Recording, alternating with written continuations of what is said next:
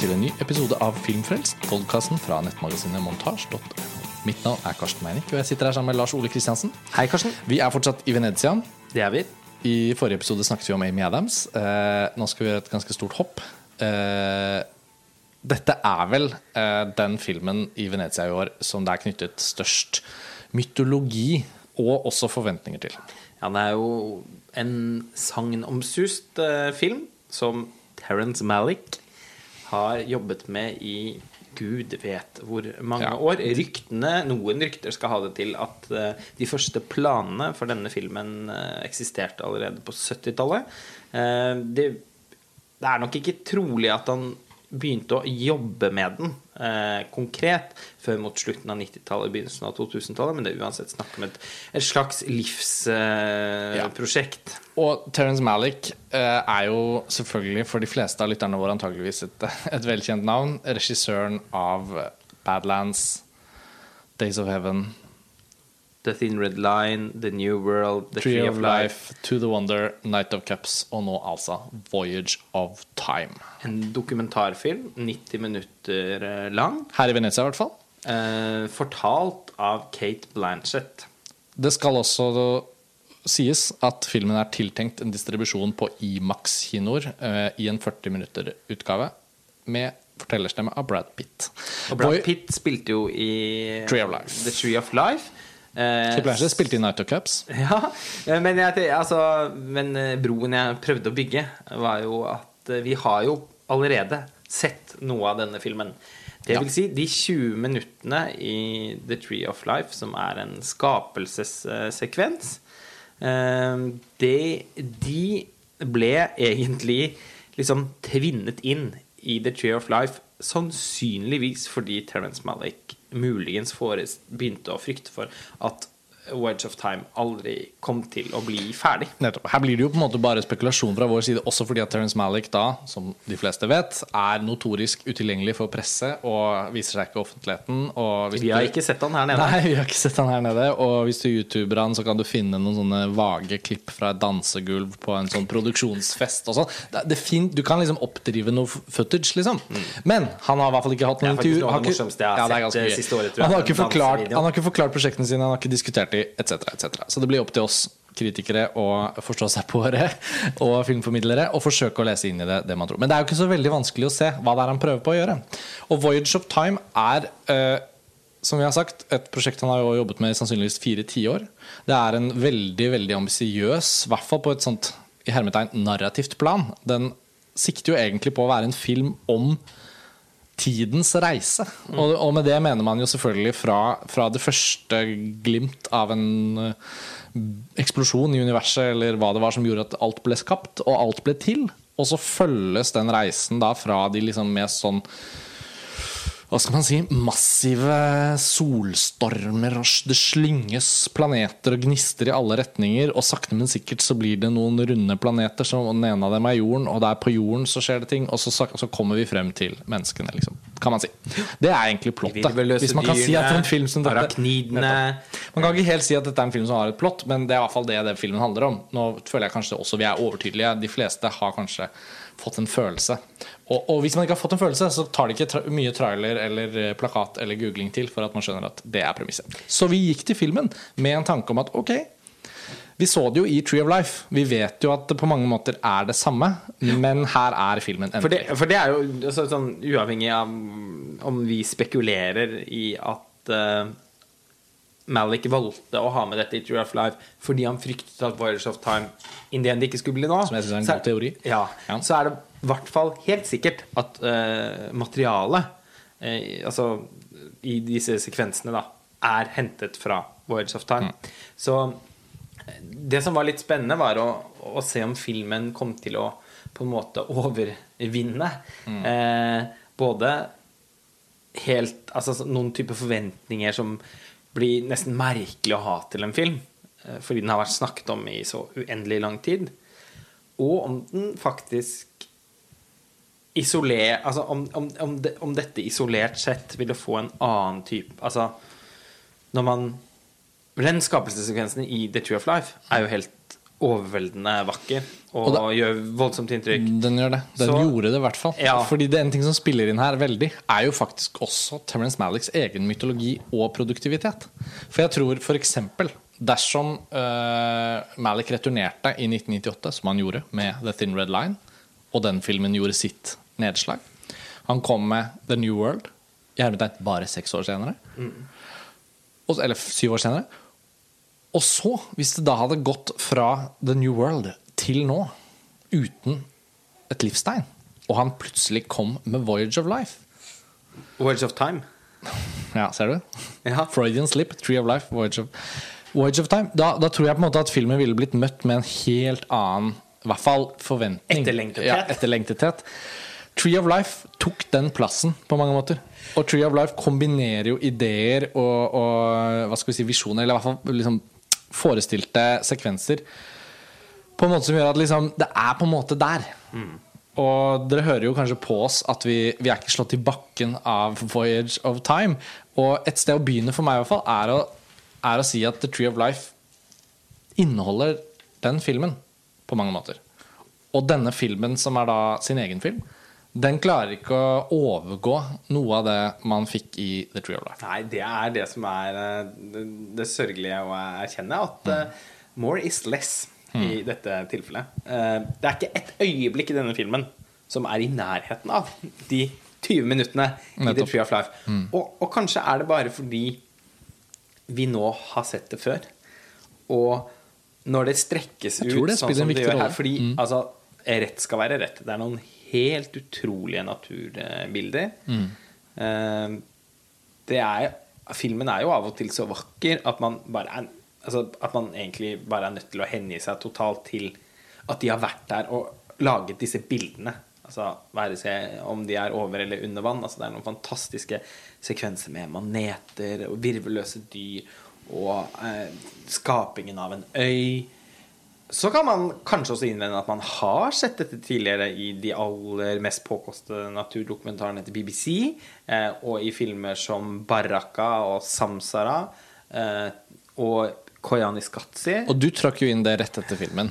At det er på en måte Terence Malicks Koyana Ja, Koyana Skatsi? Ja, og jeg klarer ikke å si alle de titlene helt presist. Men det var jo på en måte så- også litt sånn drepende det, det betyr ikke at det er noe galt med den sammenligningen, men det er også litt sånn at Som en sånn Terence Malick-film så føles den Så føles den begrenset, fordi Ja, at den har ikke, altså han har ikke klart å kombinere Det føler jeg at det er filmens vesentligste svakhet. At den har ikke klart å kombinere Terence Malicks umiskjennelige poesi med å være en sånn imponerende eh, Vista-film.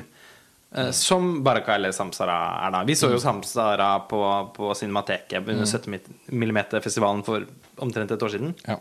Eh, og det er jo på en måte ja, en ganske utrolig opplevelse, da. Eh, som bare sånn rent audiovisuelt.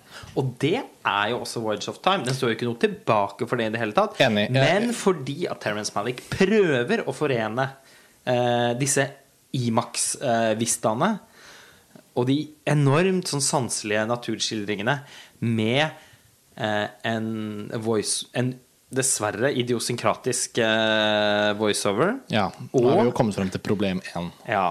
Og, og, et, og et, typ, et annet materiale som man har liksom skutt litt på siden, som vi kommer tilbake til. Eh, Mm. Altså, disse tingene går ikke sammen. Vi kan begynne med voiceoveren eh, til Ja. Kate Blanchett. Og da snakker vi også om en voiceover-tradisjon han har holdt på med en stund. Ja, og jeg mener ikke at kritikken mot voiceoveren i Voyage of Time har tilbakevirkende effekt på noen av de andre. Nei, det syns ikke jeg heller. Eh, det vet jeg jo at vi begge har til felles. Vi har jo høy toleranse for eh, svulstighetene til Terence. Malick. Jeg har stor forståelse for de som ikke har det. Men i det å ha høy toleranse fordi den voiceover-estetikken han har dyrket fram, på en måte, er jo at i, i film etter film så har det på en måte også gitt et, et eller annet form for ekko med filmen og med tematikken, som gjør at ja, dette var ganske vagt eller poetisk eller sånn svevende, men det er også i takt med det jeg selv opplever at filmen handler om. I Voyage of Time så føler jeg det er en, en uheldig eh, umusikalitet i møtet mellom filmens liksom visuelle og liksom tematiske Ja, for ambisjon. første gang i en hva Malick-film så voiceoveren syns jeg voiceoveren og filmen er i hvert sitt univers. Og det er ikke Eh, Kate Blanchetts problem. Altså, her snakker vi basically bare om at det er hun som har lest inn disse ordene. Fantastisk stemme, Ja, selvfølgelig. så det har egentlig ingenting med henne å gjøre. Det har utelukkende med hva er det som er ment her. Det første ordet som blir sagt i filmen, og det blir faktisk sagt før vi får se så mye som et eneste bilde, er 'mother'. Mother. Og da Altså, Du jeg må innrømme at jeg kjente med en gang at jeg tenkte ikke en gang til. ja. Fordi Det nå trist. Ingen altså, av oss har noe ønske om å gjøre denne nedsablingen av dette. Nei, det hadde er filmens skyld. Det er filmens skyld. Fordi nå, det er litt som at man Når man er store fans av Terence Malick, som vi begge er, og man kommer til dette slags koldtbordet, og man får Og man har nå, ganske nylig, liksom bare allerede liksom tidligere på kvelden blitt servert den ene retten etter den andre. Og, og det har smakt kjempegodt, og det har vært spennende, og dette har ikke smakt før. Og, og, og, det, er, og det rommer på en måte både liksom, altså, Tree of Life og To the Wonder og, Night of Cups. Men så kommer denne som en sånn skikkelig sånn sviskekompott til dessert. Og så er det på en måte også godt, fordi altså, alle ingrediensene har man jo tidligere likt. Og man vet, altså, man vet at man liker dette, men man er mett. Og, og, og, det slo veldig ti, altså Det ble veldig ti, tidlig klart i Voyage of Time at mettheten gjorde seg såpass gjeldende at det faktisk ble også litt vanskelig å, å, hun, å liksom virkelig nyte de fantastiske tingene med filmen. Som, som jo man ikke heller kommer utenom. Nei, altså Det er så mye bra her også. Fra et sånn nesten sånn kaldt, objektivt perspektiv. Ja, altså, sånn, som naturdokumentar. Ja, og man kan det fins jo, finnes jo en helt fantastisk naturdokumentar, eller la oss kalle det en Imax-opplevelse, inni her. Mm. Vi er begge enige om at vi nå antar, med en ganske stor grad av sikkerhet, at det er 40-minuttersversjonen som er Voyage of Time på best mulig måte. Den skal vi imøtese. Det Ja. kommer nok til å bli en Imax-klassiker. Den må ses. Men for hvis Imax Kino skulle få seg en sånn renessanse Men her i Venezia sånn som var på 90-tallet. Ja, sånn- da man gikk og så sånn bølger og sånn på Imax nede på Aker Brygge. Ja. Ja. Så- Men Imax åpner jo i Norge igjen eh, på denne nye SF-kinoen som bygges ved Storo i Oslo. Så, så kanskje vil denne Imax-versjonen komme, men den vil jo i hvert fall bli distribuert på alle Imax-kinoer rundt om i verden når eh, Voyage of Time kommer nå i høst. Og det kommer til å være en begivenhet å gå Ja. og se. Fordi altså, på en måte, Selvfølgelig. Du får de utroligste bilder. Ja, og, det, og, og som jeg skulle til Men å det er jo filmen altså- filmen ja, som, som ikke er så god. Og den 90-minuttersversjonen vi har sett her i Venezia, den er ikke så god som den bør være. Nei, det er den Eh, ikke. det er og til dels er det voiceoveren sin skyld. Mm. Men det er ikke bare Where Det er på en måte prioriteringenes skyld. Det er gjort noen utvidelser fra det som sikkert er 40-minuttersversjonen. Nok en gang, det blir spekulasjoner. Hva er det i 40-minuttersversjonen? Det vet ikke vi. Men vi antar, man ser det jo i filmen, hva er det som kan være 40 minutter i maksfilm? Det er jo ikke disse tingene her, eller disse tingene her. Det er jo det her. Ja, ja, det er helt åpenbart. og. Og man kan liste opp så mange kvaliteter denne filmen har. For noen utrolige bilder av lava, magma, vulkaner. Det var noen sånne helt utrolige undervannsbilder av magma som kommer opp av havbunnen. Ja, og, og delvis stivner, og delvis tyter videre. Fordi det liksom kommer en sånn jevn strøm av magma, fantastisk. og så blir det til sten. Og så kommer det mer på innsiden. Så det, liksom det var helt fantastisk. Men isolert sett er det jo ikke noe vanskelig å se det. Men når han har dette enormt ambisiøse skaperverket av en film som han skal liksom snøre sammen, så blir det veldig uheldig Ja. at det er sånn mm, Bra, og det var flott, og det var flott, men hva i helvete skjer nå? Og i likhet med flott, mange det var flott, det var flott, Og likhet med så veldig mange andre av Venezia-filmene i år, så er den jo veldig fortung. Eh, når han skal Altså, han er veldig god på skapelsen av en øy. På en måte skapelsen av Universet. E, e, altså elementene. Manetsekvensen var jo også helt fantastisk. Og, ja, men altså, elementene, fire elementene, eh, de virvelløse dyrene Mm. eh, Med en gang det begynner å krabbe opp på land, så føler jeg litt at han Han har ikke den samme visjonen, rett og slett. da Nei. Det blir noe kjempetusenbein spredt utover en strand, så kommer, og så liksom klipp til en keiserskorpion, klipp til en skolopender. Mm. Vush, og så plutselig så er vi liksom Så er det en Ja, så er det en Så er det noe Så er det noe som Poff blir til dinosaurer. Veldig raskt. Ja. Kjempefort i svingene. Det er ikke mer dinosaur her enn det er i Tree of Nei, Life. og dinosaursekvensen i True Life er jo så mye bedre enn her. At det er jo nesten Ja, det er sørgelig. Og spesialeffektene er jo fortsatt bedre i 1993 Jurassic Park enn det er. Så. Utrolig nok, men Ja. det er jo også sant. Men det Eh, gjelder jo for alle dinosaurfilmer, da. Og så plutselig noen eh, sjimpanser. Og så poff, uh, urmenneske. Neandertalerne. Uh, neandertalerne. Urmenneske ser dyr og en nettpyton. Husj, klipp til. Og et annet dyr. Klipp til. En struts. Eh, Egg. Menneske jager egg. Altså, det, der blir det litt sånn som å bla litt sånn raskt gjennom en Ja, sånn basic basic bok om ja, barnebokstyle. Sånn hm, Og så kom den, ja, og så kom Der syns jeg han mister den poetiske teften som Terence Malick normalt har, da. Og så prøver han å bruke denne poetiske dimensjonen med voiceoveren og med andre typer Ja, men det sekvenser. kolliderer fordi det, altså, Visjonen hans Altså hans visjon om å fortelle om utviklingen fra, uh, fra jordens tilblivelse frem til i dag Mm. ha, Altså, den, den er ikke tenkt på en måte som føles Ja, som, som er poetisk, da. Og- det blir jo veldig sånn Nesten sånn skoleaktig. Og det er det som er en av de merkeligste tingene med filmen. At den ikke Den føles ikke poetisk selv om den prøver når den prøver. Mange av sekvensene og Altså sånn Måten den er satt sammen på, er veldig sånn skolebokaktig. Og det som den virkelig ikke får til, er å være en reell, dypfilosofisk, eksistensiell diskusjon om vår plass i The Voyage of Time. Altså menneskets egen evne til å reflektere over hvem er vi, hvor kommer vi fra. Og da må jeg bare si det. Det er en chilensk regissør, jeg har snakket om det før, vi har skrevet om det på montasje. Patricio Guzman har laget en eh, dokumentarduologi, kan man si. To filmer som hører tett sammen. Den ene heter 'Nostalgia for the Light', og den andre heter 'The Pearl Button'. Og de to filmene har, særlig 'Nostalgia for the Light', da, har en kjempehårete, ambisiøs idé om at den skal kunne snakke om og diskutere på en sånn dypfilosofisk måte vår plass i universet. Og hvem er vi?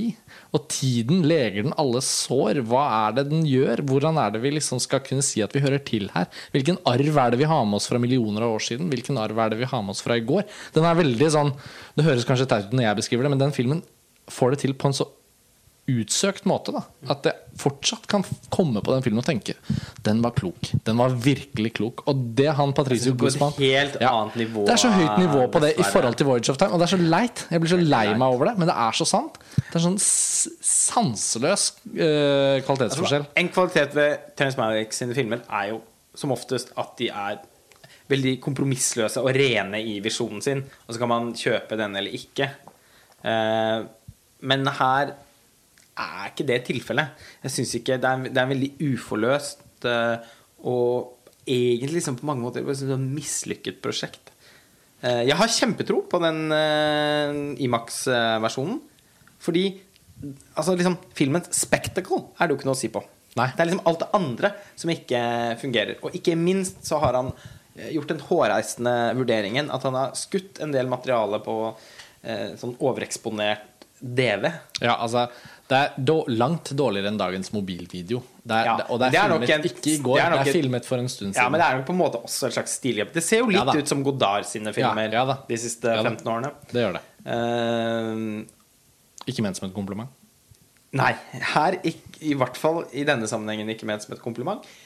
Og uh, det er jo da i veldig stor grad uh, på en måte bilder av lidende mennesker, eller mennesker som eh, trosser sin plass i skaperverket.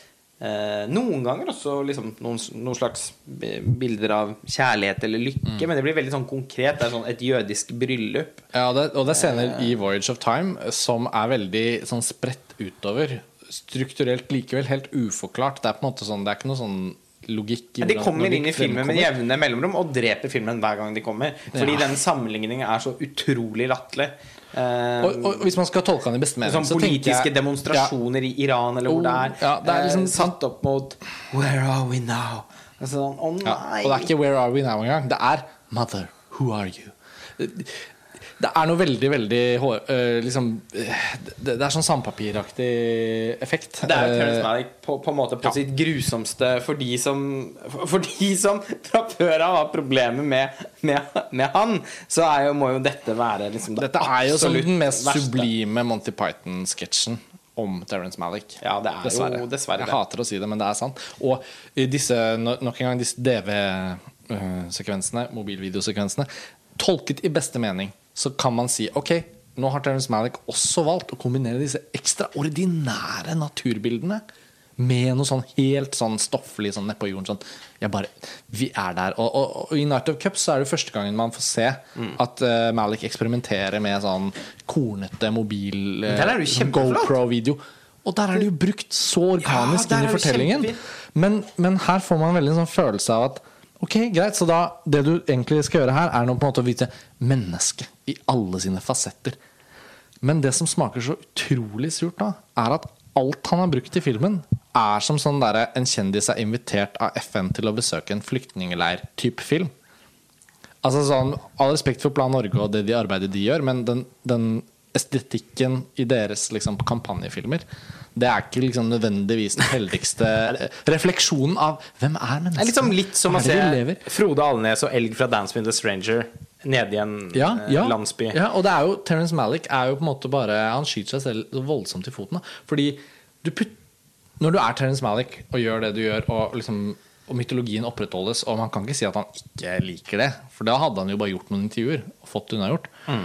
Så han dyrker jo det på et eller annet plan. Ja, han skaper sånn, jo sin egen myte. Når det er de bildene som skal representere på en måte vår tid modernisme altså Da plutselig blir det helt impresjonistisk, og, og, og det digitale kameraet Og nå betyr ingenting i universet lenger noe, for nå er Voyage of Time bare sånn fra hånd til munn. Ris, vann, de stakkars barna. Så er det så usmakelig og lite gjennomtenkt at man blir sånn oh, er, han, er han liksom litt en idiot også? Ja, Og det, er så, det er, det er så eh, leit, uff, men jeg må si det, for det er det jeg tenker. Ja. Han Jeg er- tenkte ja. akkurat det samme. Og det Er han litt en idiot også? Og det er nok mange, det er nok mange som har tenkt den tanken for ganske lenge siden. Men men bare for å, for å avslutte på Ja, en vi- litt, med, med, Ja. på en med en litt mer sånn positiv tone eh, Jeg føler ikke at den har noen tilbakevirkende effekt på Nei. de andre filmene hans. Og det er jeg jeg så enig i. Nesten tvert imot. ja. Men jeg føler litt at den er et signal om at han er i ferd med å bli ferdig. Uh, Ja. det blir veldig vanskelig å se en Oh, mother. For man har, det har jo vært noen av de Ja, det- for den også. Det blir veldig vanskelig å se en sånn til etter denne nå, kjenner jeg. Den eventuelle, ja, den eventuelle revitaliseringen av Terence Malick nå ville jo vært hvis Malick gjorde en slags sånn Darden-film. Ja, det, Hvis han bare gjorde en sånn en, for, en historie godt fortalt. ja, det hadde vært eh, Jeg er redd at det hadde vært veldig morsomt, men jeg tror det er utenkelig. Ja, ja, han er ikke opptatt. Han har malt seg veldig langt inn i et eh, hjørne. Og denne filmen som han har sittet da og penslet på i, i alle disse årene, er på en måte eh, resultaten Altså er, er på en måte liksom et bevis på at Terence Malick kanskje ikke kommer til å bevege seg i noen, i noen nye Altså sånn. Det han kan, og det som er fantastisk med Terence Malick, det finner man i de filmene han har laget.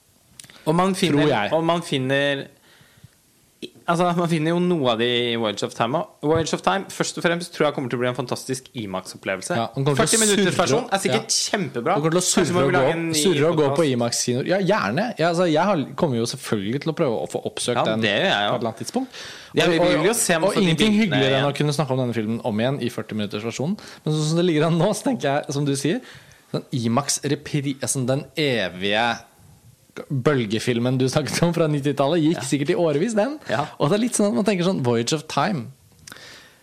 Jeg skulle helst likt at det var sånn Voyage of Time by Terence Malick with a voiceover by David Attenborough. Det er den typen film man egentlig vil ha. Ja, ja, visst. Look here, the magma rises from the earth's core. Ja, det Det, nå var det litt amerikansk. Jeg kan ikke ta David Attenborough, men uansett. ja. Ja, det får bli litt opp til deg, da. Men jeg tror lytterne forstår. Ja. En litt sånn medhårs ta oss med gjennom det type voiceover, som David Attenborough har jo perfeksjonert. det er ikke mange, det- ikke mange månedene siden jeg så Og så hadde jo filmen da blitt desto mindre unik. Eh, Jo, men, da hadde men- kanskje de bildenes fantastiskhet fått lov å være med. Gjøre den til kanskje den Nettopp. beste i den Ja, sjangeren. Ja, beste i sin Eh, sjanger. Men Malek's Maliks eh, kunstneriske visjon eh, kommer dessverre i veien for det. Eh, og, og derfor er det, er det på en måte vanskelig å, å, å, oppsummere dette på, en, på noen annen måte enn å bare konstatere at Words of Time som vi også har skrevet veldig mye entusiastisk forhåndsomtale av på montasje. Med all god god tro. Hvorfor skulle det ikke Nei, ha blitt nei, helt og, og den er fortsatt selvfølgelig en, altså For alle Malik-fans er det en obligatorisk film å se. Så, Ja, så, så alle altså sånn, Og oppi vår kritikk her, så er ja, ja, fordi oppi det Dra til Biff og se. Jeg føler at vi sier det så ærlig det går an å få sagt det. Og vi er jo bare to mennesker som har opplevd denne filmen. La oss se hva de andre sier. vi skal, Men- og vi skal se den igjen, og ja, uansett. Men det er viktig å si det som det er akkurat i dette tilfellet, fordi det også Det er, grei, det er denne greia da med Malik og filmene hans. Man kan ikke komme uten av det. Det blir en litt sånn egen ting å snakke om. Ja. Ja. Nei, nei, men altså Wales of Time Det er en uh, skuffelse. Men uh, vi uh, kan- likevel liksom ikke få oss til å gjøre noe annet enn å anbefale alle Malik Man må se det med sine egne øyne, Ja, si. blant, Og høre Mother med sine egne ører. lytterne og leserne våre og, og oppsøke den. Og som sagt, den skal vises på BIFF, altså. Bergen internasjonale Og det er fortsatt en hot ticket, det. Absolutt. Det blir nok kanskje en av ytterst få muligheter til å få sett den lange versjonen på eh, stort lerret Ja. i Norge. I hvert fall på en veldig god stund. Er sånn. Og eh, selv om vi nå, etter å ha sett den, har større tro på den forkortede Imax-versjonen, så er det jo ikke noe tvil om at man Altså, det er jo likevel noe, noe man er nødt til å ha sett for å kunne være med og fortsette å diskutere Terence Malick. Så så, så, så, så, så dra til Biff og se den der. Vi ønsker jo veldig Altså, det hadde jo ikke vært noe som var så gøy som at eh, leserne våre, eller lytterne våre, eh, hadde en annen opplevelse enn den vi sitter igjen med. Jeg skulle veldig gjerne likt å få høre altså, liksom, høre noen fortelle om en veldig sånn overveldende positiv opplevelse av filmen. Eh, For da hadde, da hadde jeg blitt motivert til å sånn umiddelbart ta en runde til. Mm. vi får dessverre ikke anledning til å se den igjen her nede. Men eh, Ja. men, ja, men inntil videre Inntil videre så, så er det sånn som dette. Ja. Jeg vil Vi avslutte. avslutte. Ja, vi skal avslutte. Jeg vil også bare da eh, repetere helt til slutt at eh, den chilenske regissøren jeg nevnte, heter Patricio Guzman. Filmene hans 'Nostalgia for the Light' og 'The Pearl Button' eh, er jo begge laget nylig. Pearl Button kom jo i fjor. Eh, og oppsøk de filmene hvis dere er nysgjerrige. Det er, er så mye å hente der eh, at jeg må bare få sagt det. Så, så var det sagt. Ja. Eh, vi er straks tilbake med en ny episode av Filmfrelst. Da skal vi snakke om Mel Gibson. Eh, inntil vi høres igjen, så takker vi for denne gang. Ha det bra. Ha det bra.